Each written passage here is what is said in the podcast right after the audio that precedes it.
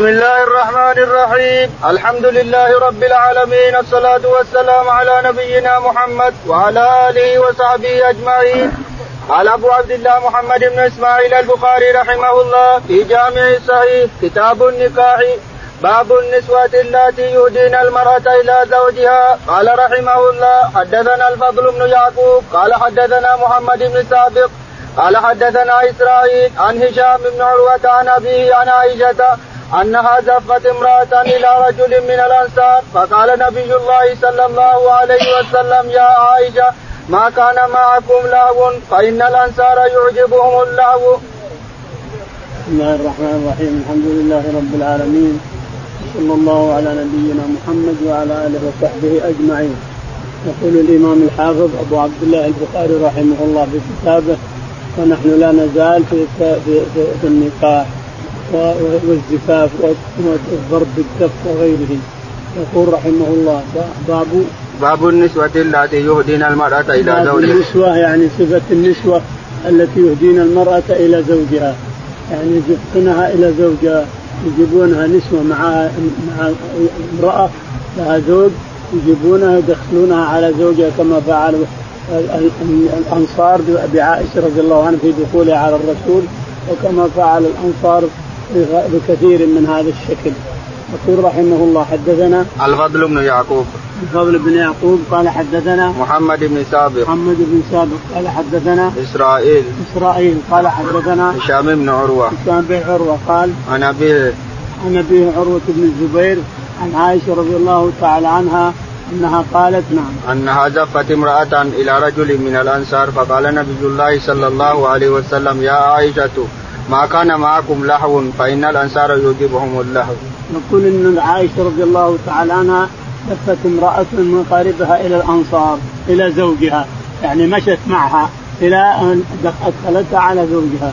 فلما رجعت سألها الرسول عليه الصلاة والسلام ما مع ما كان معكم من لهو؟ فإن الأنصار يعجبهم اللهو. يعني طبل تضربون به وأنتم ماشيين. واحدة واحدة أو اثنتين. هذه تضرب شيء وهذا تضرب شيء يتعاقبون الضرب بالدف. لأن الأنصار يقول يعجبهم اللهو. الأنصار يعجبهم الغنى في العرس الأعراس والغنى في العرس مباح سنة. أن يغني يرقص بنات والكبيرات يطبلن. اثنين أو ثلاثة وأربعة يطبلون والباقي يرقصون بنيات يرقصون بشعورهم إذا لم يكن اطلع عليهم رجال إلى آخره باب الهدية للعروس. وقال إبراهيم عن أبي عثمان واسمه الجعد عن أنس بن مالك قال مر بنا في مسجد بني رفاعة فسمعته يقول كان النبي صلى الله عليه وسلم إذا إذا مر بجنابة أم سليم دخل عليها فسلم عليها ثم قال كان النبي صلى الله عليه وسلم عروسا بزينب فقالت لأم سليم لو هدينا لرسول الله صلى الله عليه وسلم هدية فقلت لا افعلي فعمدت إلى تمر وسمن واقس فاتخذت حيسة في برمة فأرسلت بها معي إليه فانطلقت بها إليه فقال لي ضعها ثم أمرني فقال ادعوا لي رجالا سماهم وادعوا لي. من لقيت؟ قال ففعلت الذي أمرني فرجعت فإذا البيت غاض خاص بأهله فرأيت النبي صلى الله عليه وسلم وضع يدي على تلك الحيسة وتكلم بها ما شاء الله ثم جعل يدعو عشرة عشرة يأكلون منه ويقول لهم اذكروا اسم الله وليأكل كل واحد كل رجل مما يليه.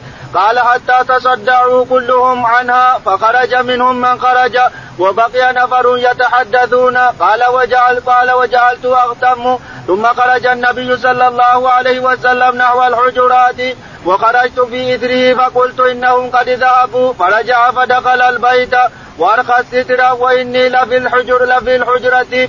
وهو يقول يا أيها الذين آمنوا لا تدخلوا بيوت النبي إلا أن يؤذن لكم إلى طعام غير ناظرين إناه ولكن إذا دعيتم فادخلوا فإذا طعمتم فانتشروا ولا مستأنسين لحديث إن ذلكم كان يؤذي النبي فيستحيي منكم والله لا يستحيي من الحق قال أبو عثمان قال أنس إنه قدم رسول الله صلى الله عليه وسلم عشر سنين.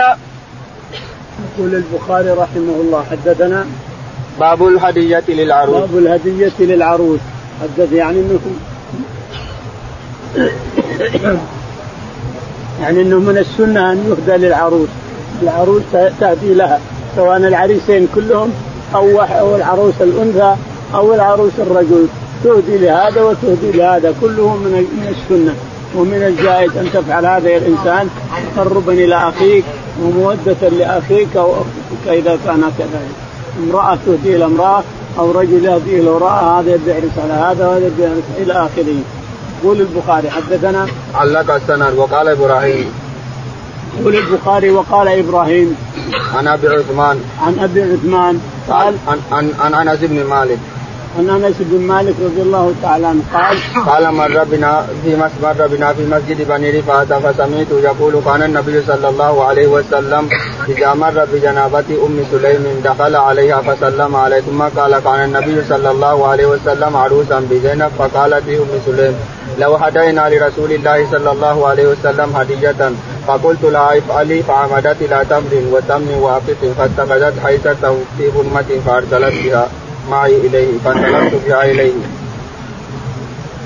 يقول البخاري رحمه الله حديث أنس بن مالك ماشي يقول إن النبي عليه الصلاة والسلام كان عروسا بزينب بنت جحش بنت عمته. يقول فقالت أمي إذا ودنا نهدي للرسول عليه الصلاة والسلام. هدية؟ فقلت لا افعل. فجمع فجمع التمر واقط وسمن أفضل طعام يأكلونه العرب الأقط والسمن الأقط من من لبن من حليب. يجيبون النساء تطبخه في قدر كبير وتنشفه وتجعله اقط كذا. نشفه وإذا نشف تاخذه على ضم يدها يسمى ثور هذا. اللي بيدها هذا يسمى ثور. حطه على حصير حصير حصير حصير حصير حتى يمكن الحصير. هذا يسمى أرض فإذا وضعته بسم الإنسان صار أحسن ألذ طعام عند العرب. ألذ طعام. وأحسن شيء تضيف تحط له ضيوف الإنسان من الأطعمة هو الأقط والسمن. يقول نعم. فاتخذت حيزة في برمة فأرسلت بها إليه فانطلقت فيه حيزة حيزة في برمة يعني حازت حيز في برمة برمة يعني صحن كبير ثم أرسلتني به. فلما ورد اتيت به النبي عليه الصلاة والسلام قال ضعه هنا. تبرك على الحي تبرك على الطعام كله ثم قال ادعي للعشره فدعوت عشرة ثم قال ادعي من في الحي يقول فدعوت الناس كل من في الشارع كل من لاقيته في الشارع دعوته. حتى غصت البيت وقلت يقول فأكلوا على عشرة قال كلوا بسم الله واذكروا اسم الله عليه وكل يأكل مما يليه. كل يأكل مما يليه من الصحن ويأكل مما يسموا الله وكلوا مما يليكم. يقول فلما انتهوا صاروا يخرجون على عشرة عشرة برضه ولكن بقي ناس بقي اثنين فيها. بقي اثنين يتهرجون. خرج الرسول عليه الصلاة والسلام مستحيا من هذا الجلس يتهرجون يتحدثون. حتى وصل بيوت أزواجه وبركنا لهم أزواجه ثم رجع يقول فقلت يا رسول انهم قد خرجوا. فجاء إلى البيت زينب رضي الله تعالى عنها وأرضاها. ارخى الستر يقول أنس ارخى الستر بيني وبين مع أن أنس صغير عشر سنوات لكن ارخى الستر بينه وبينه ودخل على زينب رضي الله عنها وأرضاها. كانت تحت زيد. مولاه زيد الله تعالى وتقدس قال ليعلم الناس أنه لا بأس بأن ينكح السيد ما كانت تحت مملوكه. جائز هذا. وأنزل الله وانه لقالوا يا أيها الذين آمنوا لا تدخلوا بيوت النبي إلا أن يؤذن لكم إلى طعام غير الله تعالى وتقدس يا أيها الناس لا تدخلوا بيوت النبي إلا أن يؤذن لكم إلى طعام غير ناظرين إناء يعني غير متأنين لا تجلسون تتحدثون. ولكن طعيتم وإذا طعمتم فانتشروا ولا مستأنسين من حديث هذا سنة إلى يوم القيامة. إذا طعمت الإنسان طعم الناس عند فلان بن فلان لا يجوز أن يجلسوا لازم ينتشرون لازم يخرج. كل من أتى إلى وليمة وأكل المفروض أن يخرج خلاص لا يجلس. ما يجوز يجلسون يتحدثون. ما التحدث بعد الأكل ممنوع. لازم إن إذا أكلنا وشبعنا وخلصنا من الأكل عند الرجل هذا ما نروح نقول مجلس ثاني نجلس إلا إذا اراد هو اراد هو قال يا جماعة اجلسوا تحدثوا شوي إحنا عندنا مكان واسع وأنتم برا ما, ما أنتم حولنا. فإذا أذن ويريد الناس أن يتحدثوا يتحدثون. بدون إذنه لا يمكن أن تجلس في بيته. بعد ما تطعم لازم تخرج. لازم من طعم من في بيته يخرج. باب استعارة الثياب للعروس وغيرها. قال رحمه الله حدثني عبيد بن إسماعيل قال حدثنا أبو سامة عن هشام عن أبي عن عائشة رضي الله عنها أنها استعارت من أسماء قلادة فهلكت فأرسل رسول الله صلى الله عليه وسلم ناسا من أصحابه في طلبها فأدركتهم الصلاة فصلوا بغير وضوء فلما أتوا النبي صلى الله عليه وسلم شكوا ذلك إليه فنزلت آية التيمم فقال أسيد بن حضير جزاك الله خيرا فوالله ما نزل بك أمر قط إلا جعل الله لك منه مخرجا وجعل للمسلمين فيه بركة. يقول البخاري رحمه الله حدثنا باب استعارة الثياب للعروس استعارة الثياب للعروس. تستعير ثوب من من جارتها أو من هذا بعض النساء. فيجعل زكاة حليها العارية. جارتها أو بنت أخيها أو قريبة منها أعريني أعيريني سوار يا فلانة وأعيريني خاتم وأعيريني قلادة علشان أبزف بنتي بزوج بنتي بزوج أختي. وتعيرها هي هذه زكاتها. هذا عند العلماء هي زكاتها ولا تزكى. الحلي اللي عند المرأة ما يزكى وإنما زكاته عاريته. أن تعيره بنت اخيها أو اختها أو غيرها غير يلبسونها ليلة الزفاف يتزينون بها. هذه زكاتهم إلى آخره. السعد يقول إن النبي عليه الصلاة والسلام نعم حدثنا عبيد بن إسماعيل. حدثنا عبيد بن إسماعيل قال حدثنا أبو أسامة. أبو أسامة قال حدثنا هشام بن عروة. هشام بن عروة عن ابيه عروة عن عائشة رضي الله تعالى عنها قالت أنها استعارت من أسماء قلادة فهلكت أنها استعارت من أسماء قلادة فهلكت يعني ضاعت وهم غزاة غازين أو مسافرين فضاعت القلادة ضاعت منها راحت من حمزة وضاعت وهم ماشيين. واسال الرسول عليه الصلاة والسلام اثنين من الأنصار يبحثون عن القلادة الطريق مشوا الطريق قصوا الطريق حتى وجدوا القلادة. لما وجدوا القلادة جاءوا بها إلى عائشة رضي الله عنها واعطوها اياها لكن الصلاة حضرت عليهم هم ولا عندهم ماء. إيش يعملون؟ قاموا تيمموا اجتهاد. اجتهدوا وما أحسن المسلم إذا أصابه شيء من العبادات أن يجتهد ويخرج بالجهاد باجتهاده. يفعل اجتهاد وهو حر. لا يعيد إذا صليت باجتهاد لا تعيد خلاص. صليت باجتهاد الإنسان وتحريت لا تعيد خلاص. فلما تيمموا وصلوا اخبروا الرسول عليه الصلاة والسلام فنزلت آيات التيمم. مرنا في البخاري أن إيه التيمم نزلت أن الرسول عليه الصلاة والسلام والجيش كله ما ما عندهم ماء ولا ولا ماء ما عندهم ماء يشربون ولا ولهذا يقول أبو بكر الصديق حبست الرسول والجيش على غير ماء وليس عندهم ماء لا يشربون ولا ولا يتوضؤون فليش حبستهم؟ هذه اللي مرتنا هنا هنا يقول على لأجل اثنين جائز أن الاثنين هم الأول ثم أتى الأمر للجيش كله. فنزلت آية التيمم فقال أسيد بن حضير ما هي ما هي أول بركتكم يا آل أبي بكر؟ أو قال يا عائشة ما نزل بك أمر يا عائشة إلا صار لك مخرج أنزل الله مخرجا ومخرج وأنزل المسلمين فرجا. فليس هذه أول بركتك يا عائشة؟ باب ما يقول الرجل إذا اتى اهله قال رحمه الله حدثنا سعد بن حفص قال حدثنا شيبان عن منصور سالم عن سالم بن أبي الجعد عن قريب عن ابن عباس قال النبي صلى الله عليه وسلم أما لو أن أحدهم يقول إن يأتي أهله بسم الله اللهم جنبني جنبني الشيطان وجنب الشيطان ما رزقتنا ثم قدر بينهما في ذلك أو قضي ولد لم يضره شيطان أبدا. يقول البخاري رحمه الله باب إذا أتى الإنسان أهله ما يسن يحسن أن يقول عندما يأتي أهله قبل أن يجي قبل أن يركب على أهله قبل أن تركب الإنسان أو عند ركوبك قبل أن تولد الذكر بالفرج قبل أن تولد هذا تقول هذا الدعاء أما إذا اليت فلا يجوز تتكلم إذا اوليت الذكر بالفرج ما يجوز تتكلم لأن الملائكة الذي يكتبون يبتعدون عنك يخرجون عنك ولا يكتبون شيء إلا إذا أحوجتهم أن يأتوا إليك ويكتبوا عنك ولا ما يخرجون. إذا دخل الإنسان الحمام ابتعدوا عنه وإذا ركب أهله ابتعدوا عنه.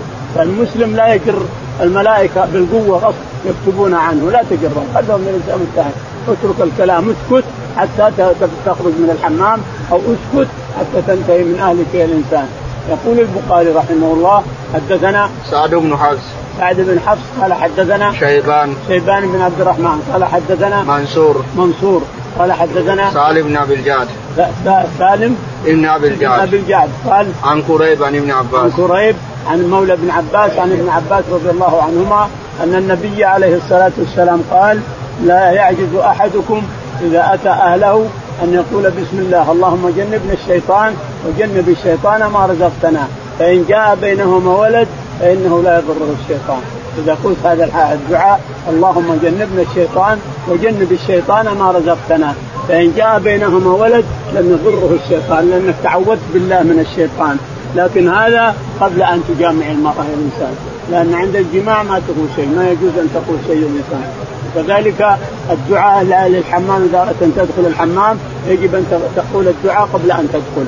لأنك إذا دخلت ما تكتب الملائكه شيء. إذا أردت أن تركب على أهلك وتولج الفرج لا تقول شيء لأن الملائكة ما تكتبك الساعة إلا إن أحوجتها.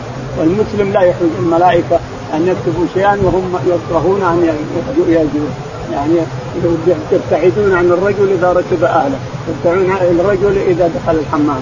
فالادعيه كلها يجب أن تقال قبل ذلك إلى آخره. نعم. باب الوليمة حق.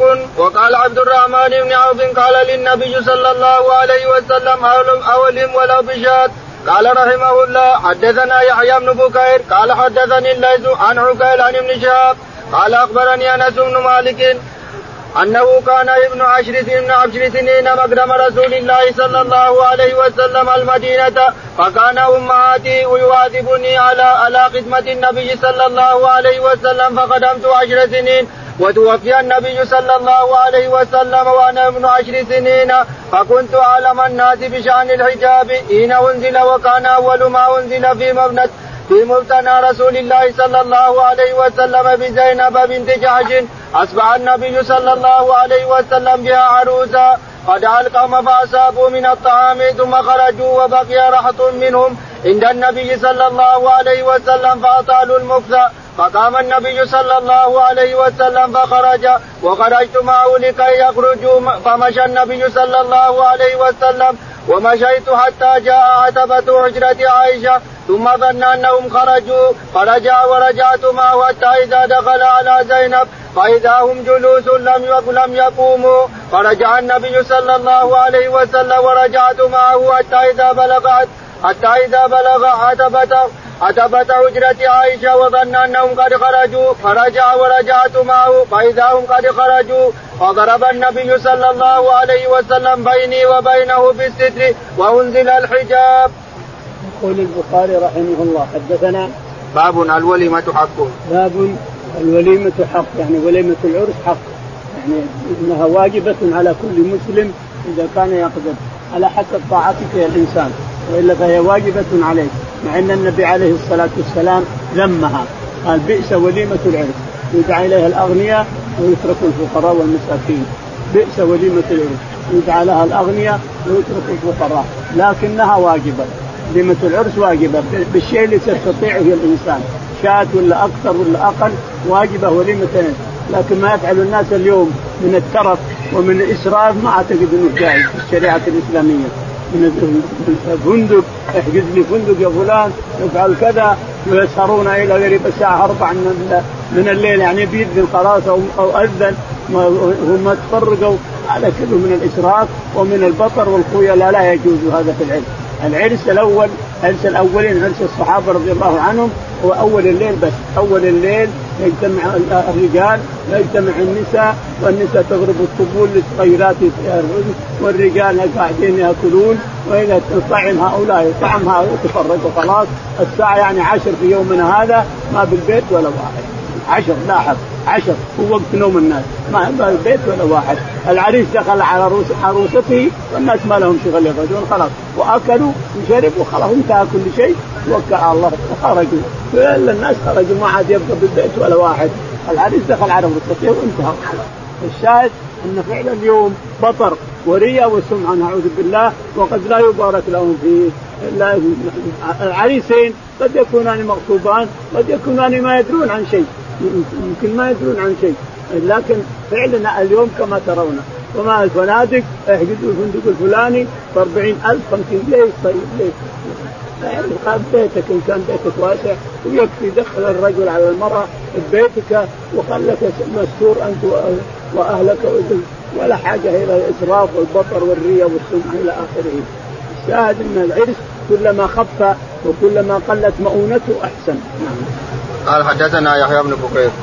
يقول البخاري رحمه الله حدثنا يحيى بن عبد الله بن بكير قال حدثنا الليث بن سعد. الليث بن سعد. قال حدثنا الفهمي المصري يعني.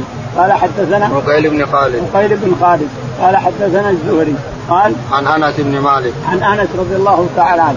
قال أنس أنه كان ابن عشر سنين لما قدم لما قدم رسول الله صلى الله عليه وسلم. انه كان ابن عشر سنوات لما قدم النبي عليه الصلاة والسلام المدينة.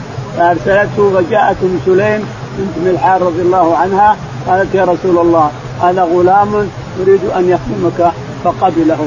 أو يقال إنه هو قال قال أو شيء من المهم أن أهدته للرسول عليه الصلاة والسلام يخدمه.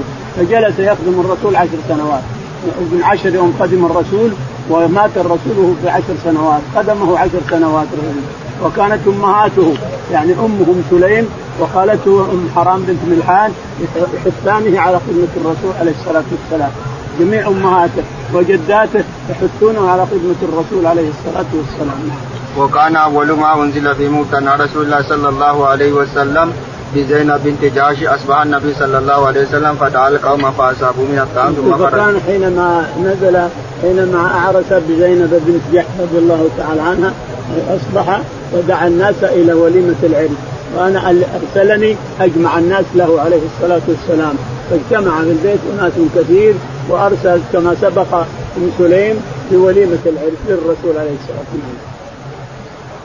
باب الوليمة باب الوليمة ولو بشات قال رحمه الله حدثنا علي قال حدثنا سفيان قال حدثني عميد أنه سمع انس رضي الله عنه قال سأل النبي صلى الله عليه وسلم عبد الرحمن بن عوف وتزوج امرأة من الأنصار كما أسرقتها قال وزن نواة من ذهب. وعن حميد سمعت أنسا قال لما قدموا المدينة نزلوا نزل المهاجرون على الأنصار فنزل عبد الرحمن بن عوف على سعد بن الربيع فقال أقاسمك مالي وأنزل لك عن عن إحدى امرأتي.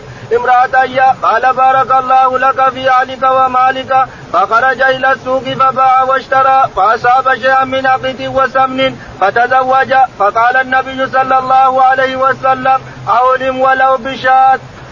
يقول البخاري رحمه الله باب باب الوليمة ولو بشاة. باب الوليمة ولو بشاة.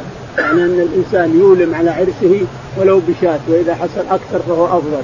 ما حصل ثم كثر الطعام وجمعت الناس عليه أفضل لأن الشاة ما تكفي. يجمع الناس يجمع جيرانك ويجمع أصدقائك وأقاربك الإنسان ولكن يصير ببيتك أو بيتك وبيت جيرانك. جائز هذا. تستعير بيت جارك وتستعير بيتك. وكثير من الناس كانوا يفعلون هكذا في السابق. يستعير بيته وبيت جاره اللي قريب منه هذا يفتح بابه وهذا يفتح بابه.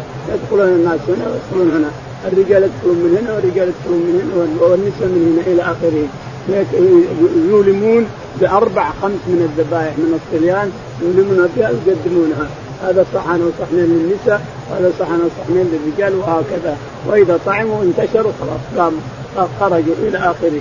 الشاهد هذا كان حرص الناس بهدوء وبلطف وبدون إسراف ولا بطر ولا رياء يقول البخاري حدثنا علي بن عبد الله. علي بن عبد الله قال حدثنا سفيان بن عيينة. سفيان بن عيينة قال عن حميد الطويل. عن حميد الطويل عن أنس رضي الله عنه قال قال سأل النبي صلى الله عليه وسلم عبد الرحمن بن عوف وتزوج امرأة من الأنصار كما أسلفتها. قال وزن نواة من ذهب. يقول أن عبد الرحمن بن عوف رضي الله عنه لما قدم المدينة قد جاء إلى آخى الرسول عليه الصلاة والسلام بينه وبين سعد بن قولة. سعد بن الربيع سعد بن الربيع فقال له سعد بن الربيع يا عبد الرحمن إن عنده زوجتين ينزل عن واحدة منهما وهذه فيها بحث بحثنا فيها بغرابتها.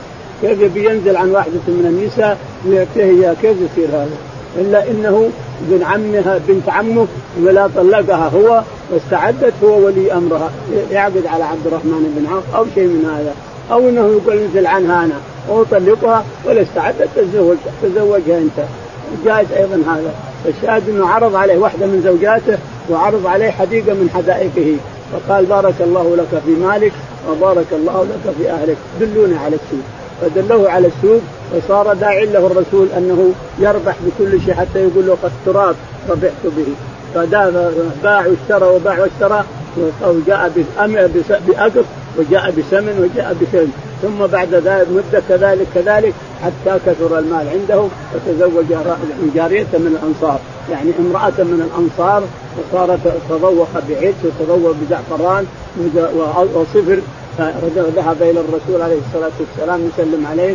قال ما ما ما ما بن عوف قال تزوجت يا رسول الله امرأة من الأنصار. قال ما أصدقتها؟ قال أصدقتها نواة من وزن. وزن نواة من ذهب. الموزون هو اللي يحتاج إلى بحث. الموزون. وزن نواة. عرفنا النواة. لكن الموزون وش اللي وزن الموزون يقول وزن نواة. وش هو الموزون. هل هو قروش؟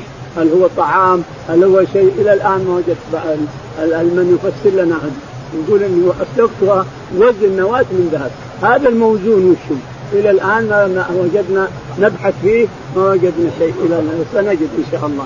الشاهد إنه قال اصدقتها وزن نواة من ذهب. قال بارك الله فيك. أولم ولو بشاة أولم ولو. لو هذا للتقصير للتقليد. أولم ولو بشاة للتقليد. ولا فالمفروض أن الوليمة تكون أربع خمس ثلاث.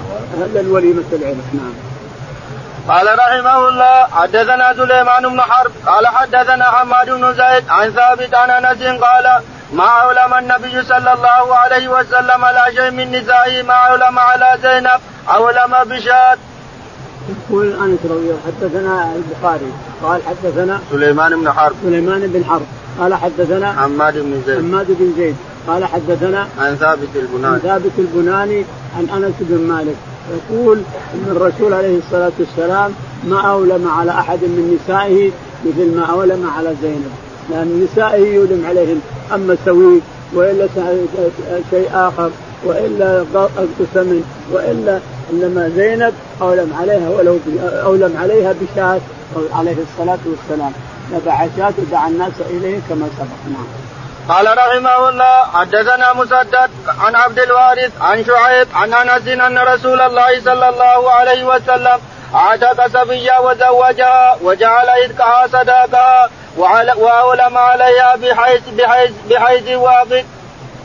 يقول البخاري حدثنا مسدد. مسدد قال حدثنا عبد الوارث. عبد الوارث بن عبد الصمد قال حدثنا شعيب بن الحبحاب. شعيب بن الحبحاب قال حدثنا عن أنس بن مالك. عن أنس رضي الله تعالى عنه أن النبي عليه الصلاة والسلام لما فتح خيبر صارت صارت صفيه من نصيب دحية الكلبي وقول قيل للرسول إن صفية ما تصلح إلا لك.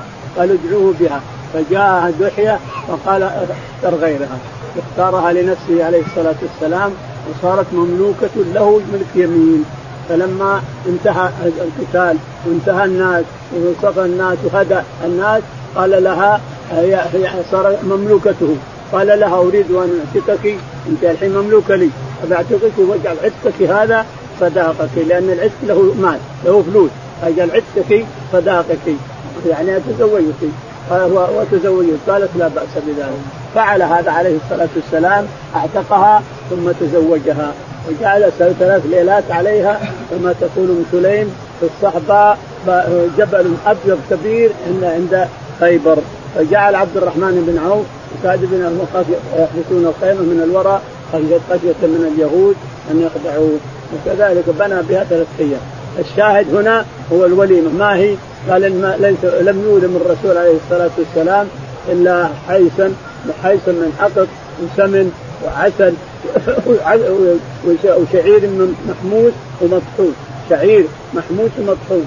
ما في ألف من الطعام إذا حمست الشعير الإنسان. ثم طحنته وجعلت معه عسل وسمن. صار أحسن أحسن طعام. سبحان الله. فجمع الناس حتى الفراش وجمع الناس على وليمة صفية نعم قال رحمه الله حدثنا مالك بن إسماعيل قال حدثنا زهير عن بيان قال سميت انسا يقول بنى النبي صلى الله عليه وسلم بامرأة فأرسلني فدعوت رجالا إلى الطعام. يقول البخاري رحمه الله حدثنا مالك بن إسماعيل. مالك بن إسماعيل قال حدثنا زهير. زهير قال حدثنا بيان. بيان أما هو ابن أبان أو ابن يزيد. قال حدثنا سمعت انسا سمعت أنس بن مالك يقول بنى النبي صلى الله عليه وسلم بامرأة فأرسلني فدعوت رجالا إلى الطعام. بنى الرسول عليه الصلاة والسلام بامرأته فأرسلني أجل الناس إلى الطعام. يعني بزينب بن جحش. نعم. باب من أولم على بعد نسائه أكثر من بعد. قال رحمه الله حدثنا مسدد قال حدثنا حماد بن زيد عن ثابت قال ذكر تزويج زينب ابنة جحش عند أنس فقال ما رأيت النبي صلى الله عليه وسلم أولم على أحد من نسائه ما أولم عليها أولم بشات. يقول البخاري رحمه الله باب من أولم على نسائه أكثر من واحدة، الإنسان ما ملزم. أنك تسوي بين الصدق عندك بين الوليمة. عندك هذه وعندك هذه. انت زوجت هذه وقلت لها بشاتين أو ثلاث. زوجت هذه ولم بشات زوجت هذه وأملت بطعام بدون لحم إلى آخره. لأنه من أنس فقال ما رأيت النبي صلى الله عليه وسلم أولم على أحد من نسائه ما أولم عليها. يقول ذكر تزويج زينب بنت جحش بنت عمته. إنها تزوجت وأنه أولم لها بشاة وأنه أكرمها أكثر من غيرها. قال ما رأيت احدا من النساء أكثر وليمة من زينب، زينب ذبح لها شاة وأكرمها وحصل شيء كبير في نكاحها. نعم. باب من أولم بأقل من شاة. قال رحمه الله حدثنا محمد بن يوسف. قال حدثنا سفيان عن منصور بن صفية عن امه صفيه بنت شيبة قالت ما أولم النبي أولم النبي صلى الله عليه وسلم على بعض نساء بمدين من شعير. يقول البخاري رحمه الله باب من أولم بأقل من شاة بأقل من شاة حدثنا يكون عبد محمد بن يوسف. محمد بن يوسف الفريابي قال حدثنا سفيان. سفيان بن الثوري. قال حدثنا منصور بن صفية. منصور بن صفية عن أمه. صفية بنت شيبة. صفية نعم بنت منصور بن صفية بنت شيبة. قال عن قالت ما أولم أولم النبي صلى الله عليه وسلم على بعض نساء بمدين من شعير. تقول إن الرسول عليه الصلاة والسلام اولم على بعض النساء بمدين من شعير.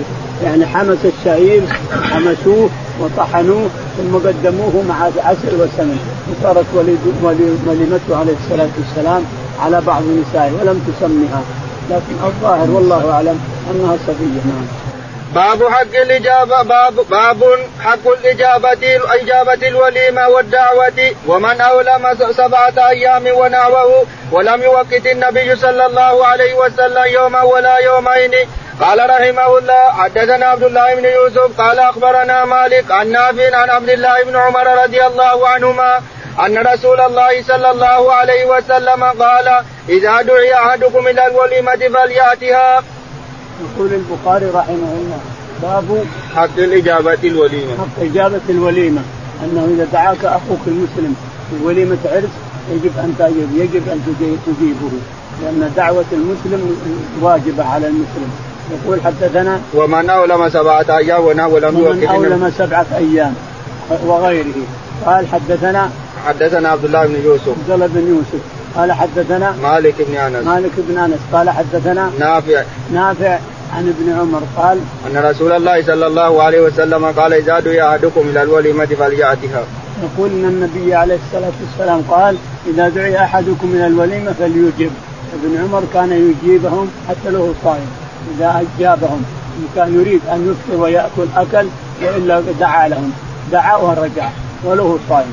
إذا دعي لوليمة عرس ذهب رضي الله عنه حتى يصل إلى بيتهم ويدعو لهم بالبركة فإن كان صائما ولا يحب أن يفطر ولا عاد الفطر فطر النافلة أنت حر يا الإنسان. الصوم صوم النفل أنت حر. تشاء أن تفطر أو تشاء أن تمسك. فإذا وصل إليهم إن شاء أن يفطر أفطر لأنك حر الإنسان في صوم النفل. وإن شاء أن يبتل على صومه دعا لهم بالبركة ورجع. هذا لكن إذا كان هناك منكر لا يرجع لا يرجع إذا رأى صورة أو رأى منكر أو رأى شيء فإنه لا يحضر اطلاقا. قال رحمه الله. واجب المسلم. إذا كان هناك شيء منكر لا تحضر الانسان إذا كان صور أو كان شيء مفروض أو أصوات نساء مرفوعة يسمعونها الرجال لا تحضر النساء ارجع لأنه يصير منكر حينئذ. الاجابه تصير ما هي واجبة عليك. نعم. قال رحمه الله حدثنا مسدد قال حدثنا يحيى عن سفيان قال حدثني منصور عن أبي وائل عن أبي موسى عن النبي صلى الله عليه وسلم قال فك العانية واجيب الداعية وعود المريد.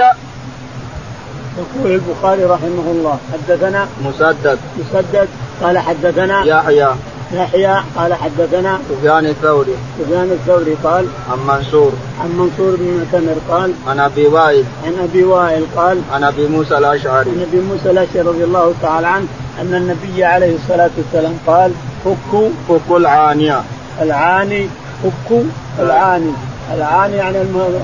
الم... الم... المربوط. العاني هو المربوط. فكوه الأسير يعني يسمى الأسير.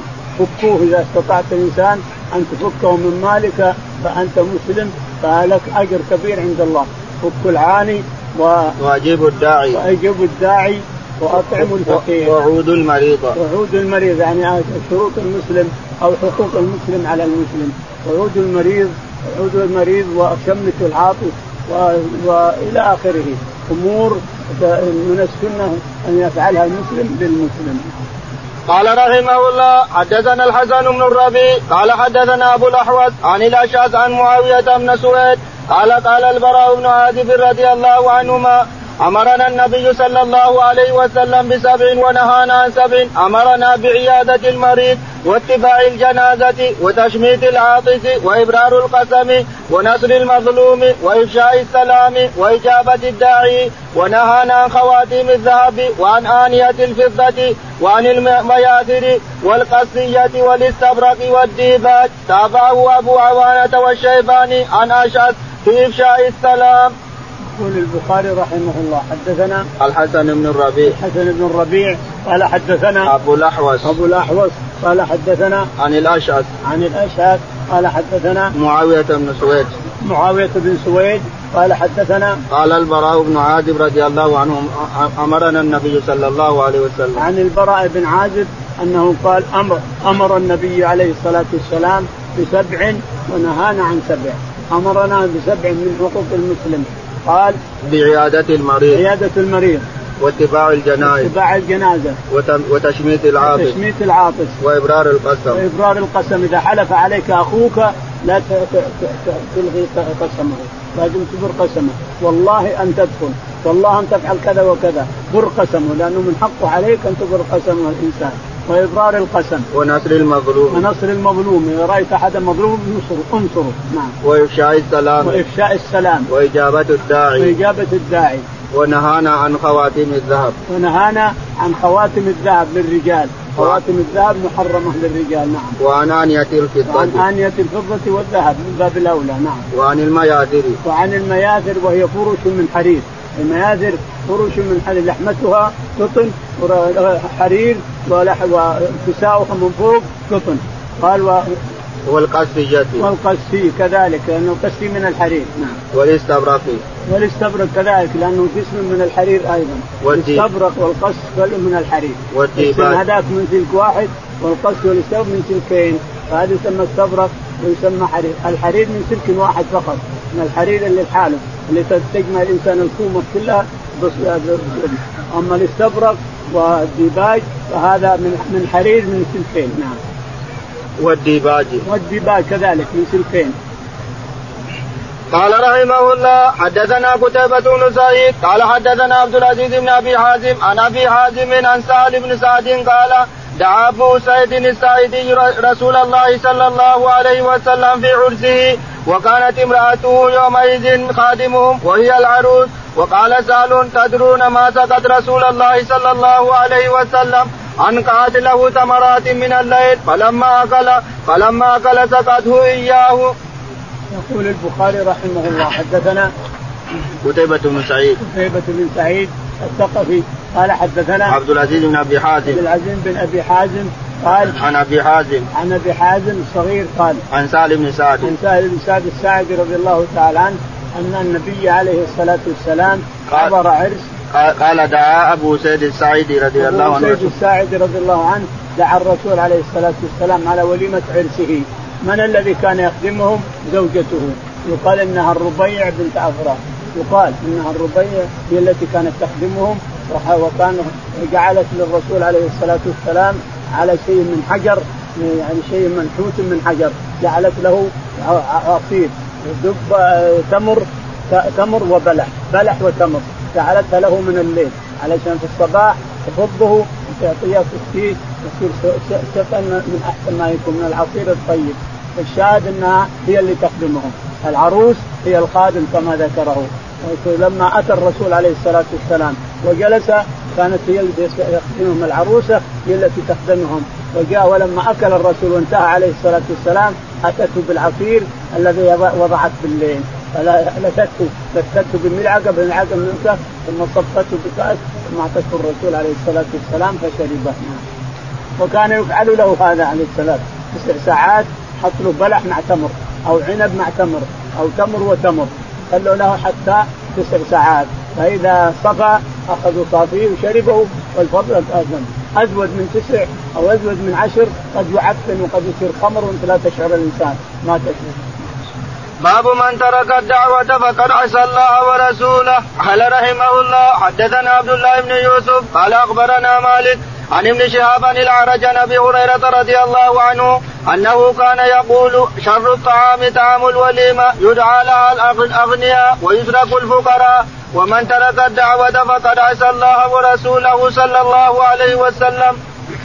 يقول البخاري رحمه الله باب من ترك دعوة العرس فقد عصى الله ورسوله حول ولا قوة يقول حدثنا عبد الله بن يوسف. عبد الله بن يوسف التنيسي قال حدثنا مالك بن أنس. مالك بن أنس الإمام. قال حدثنا عن ابن شهاب. عن ابن شهاب الزهري. قال عن الأعرج. عن الأعرج عن أبي هريرة رضي الله تعالى عنه أن النبي عليه الصلاة والسلام قال نعم. كان يقول شر الطعام طعام الوليمة يدعى لها الأغنياء ويترك الفقراء. كان يقول شر الطعام طعام وليمة العرس يدعى لها الأغنياء ويترك الفقراء وهذا هو الحاصل إلى يومنا هذا. يدعى الأغنياء ويترك الفقراء. وهم أحوج أحوج بالطعام من الأغنياء. يدعى الأغنياء وفلان وفلان وفلان وفلان وفلان, وفلان. والفقراء ما يدعون ولا أحد يعرفهم. الشاهد أنه شر الوليمة وليمة العرس شر الولائم كلها وليمة العرس يدعى لها الأغنياء ويترك الفقراء نعم. ومن ومن ترك الدعوة فقد عصى الله ورسوله. ومن ترك دعوة العرس فقد عصى الله ورسوله. هذه المشكلة. ومن ترك العرس وليمة العرس الدعوة الإجابة فقد عصى الله ورسوله. باب من أجاب إلى قراع قال رحمه الله حدثنا عبدان عن أبي حمزة عن الأعمش عن أبي حازم عن أبي هريرة عن النبي صلى الله عليه وسلم قال لو دعيت إلى قراع لاجبت ولو أهدي إلي ذراع لقبلت. يقول النبي يقول البخاري رحمه الله باب الذراع والكراع قال حدثنا عبدان. عبدان. قال حدثنا أبي حمزة. أبي حمزة. قال حدثنا عن الأعمش. عن الأعمش. قال عن أبي حازم الكبير. عن أبي حازم الكبير. نعم. عن أبي هريرة عن النبي صلى الله عليه وسلم. أبي حازم الكبير اسمه شقيق قال حدثنا سلمان الأشجعي. سلمان الأشجعي نعم. مولى عزه الأشجعية. قال حدثنا عن أبي هريرة. عن أبي هريرة رضي الله تعالى عنه قال قال لو دعيت إلى قراع لاجبت ولو قال النبي عليه الصلاة والسلام يقول لو دعيت إلى قراع لأجبت ولو اهدي إلي ذراع لقبلت. يعني هذا من باب السماحة مع اخيك المسلم. هذا الي كراع هذا إليك ذراع كرخ الإنسان.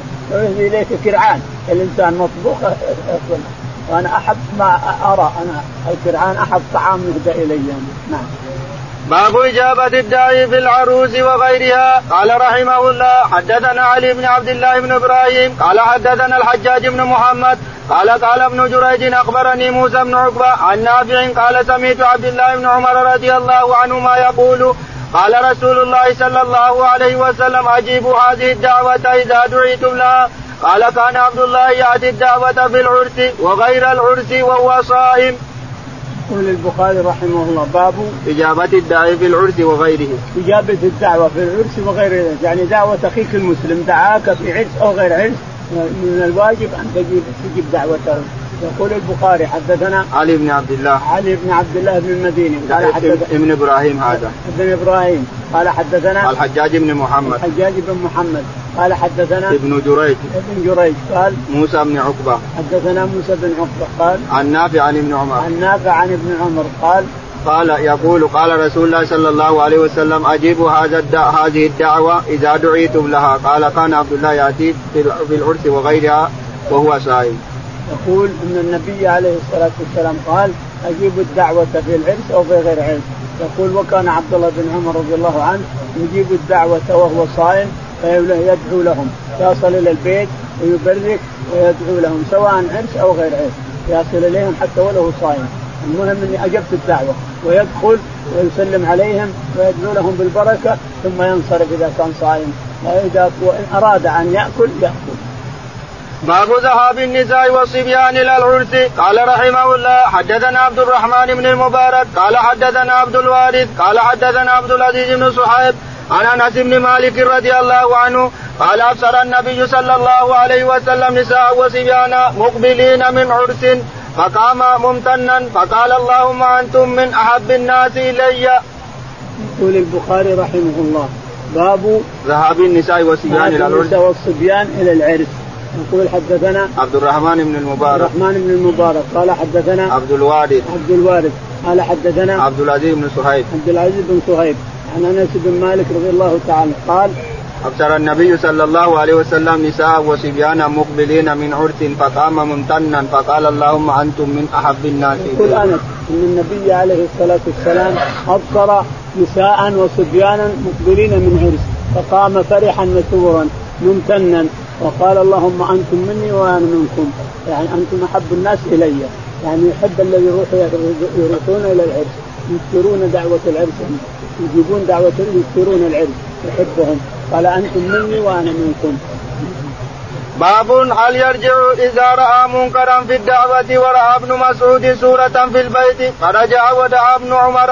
أبا أيوب فرأى في البيت سترا على الجدار. فقال ابن عمر غلبنا عليه النساء. فقال من كنت أخشى عليه؟ فلم أكن أخشى عليك. والله لا أطعم لكم. طعاما فرجع قال رحمه الله حدثنا إسماعيل قال حدثني مالك عن نافع عن مالك عن نافع عن القاسم بن محمد عن عائشة زوج النبي صلى الله عليه وسلم أنها أخبرته أنها اشترت نمرقة فيها تصاوير فلما رآها فلما رآها رسول الله صلى الله عليه وسلم قام على الباب فلم يدخل فعرفت في وجهه الكراهية فقلت يا رسول الله يتوب إلى الله وإلى رسوله ما ما ماذا أذنبت؟ فقال رسول الله صلى الله عليه وسلم ما بال هذه النمرقه قالت فقلت اشتريتها لك لتقعد عليها وتوسدها. فقال رسول الله صلى الله عليه وسلم إن أصحاب هذه السورة يعذبون يوم القيامة ويقال لهم أحيوا ما خلقتم؟ وقال إن البيت الذي فيه السور لا تدخله الملائكة. يقول البخاري رحمه الله باب باب هل يرجع إذا رأى منكرا في الدعوة ورأى ابن مسعود؟ قالوا باب هل يرجع إذا رأى منكرا في الدعوة؟ ذهب إلى دعوة العرس لكنه رأى منكر. هل يرجع؟ تقول نعم يرجع. إذا رأى منكر يرجع. إذا كان ما يقدر يزيله. أما إذا كان يقدر يزيله ولا يرجع. يزيله وجه الناس تعظهم فلعلهم يتعظون ويزولون المنكر عنك ويخلونك تجلس الإنسان. الشاهد ان استطعت أن تزيله ولا فارجع. إذا رأى منكر فإنه يرجع. حدثنا وراى عبد الله بن عمر صورة في بيت أبو أيوب الأنصاري. ودعا ابن عمر أبا أيوب دعا ابن عمر أبو أيوب الأنصاري رضي الله تعالى عنه الذي استضافه النبي عليه استضاف النبي عليه الصلاة والسلام. لما جاء إلى المدينة يقول إنه دعا أيوب الأنصاري فرأى صورة في بيت عبد الله بن عمر. صورة؟ أبي أيوب الأنصاري. أبو أيوب الأنصاري. رأى صورة في بيت عبد الله بن عمر مو كذا؟ لا راى في بيت أبي أيوب عبد الله بن عمر. عبد الله بن عمر اللي رآه أيوه نعم. عبد الله بن عمر رأى صورة في بيت أبي أيوب الأنصار رضي الله عنه. فقال ما هذا؟ قال غلبنا عليه النساء. قال ما كنت اظن أن احدا يغلبه النساء. أنت ما يمكن تغلبك النساء. الشاهد أن عبد الله بن عمر رجع رضي الله عنه. قال حدثنا اسماعيل إسماعيل. حديث إيه حديث واحد بس حديث اللي قرأنا بس. اقرا قرأته؟ إيوه حدثنا إسماعيل. حدثنا إسماعيل. قال حدثنا مالك. يعني بن أبي أويس. عن مالك خاله. عن خاله مالك قال حدثنا القاسم بن محمد. القاسم بن محمد. قال عن عائشة زوج النبي صلى الله عليه وسلم. النبي عليه السلام قالت أنها أخبرته أنها اشترت نمرقة فيها تساوير. أنها اشترت مملقة فيها تصاوير يعني خرقة. خرقة فيها تصاوير وعلقتها على الباب. تريد أن تزين الغرفة للرسول عليه الصلاة والسلام. لما جاء وراء التصاوير وقفا معي لا يدخل. قال تتوب إلى الله وإلى الرسول. ليش؟ هذا التصاوير يعذب النا- يعذبون اللي يصورون؟ يقال لهم أحيوا ما خلقتم. فقالت اتوب إلى الله. ثم شقتها وحطتها مخدات. معناه إن الصورة إذا أهينت وقعدت عليه الإنسان أو خليتها مخدات أو أهنتها في الأرض لا بأس بها. لكن إذا علقتها تشابه خلق الله هذا اللي ممنوع. لكن لو شقيتها اثنين خليتها مخدات أو دعستها في الأرض لا بأس بذلك. والله أعلم صلى الله على محمد. اللهم اهدنا فيمن هديت وعافنا فيمن عافيت تولنا فيمن توليت. يا رب العالمين يا رب العالمين يا رب العالمين.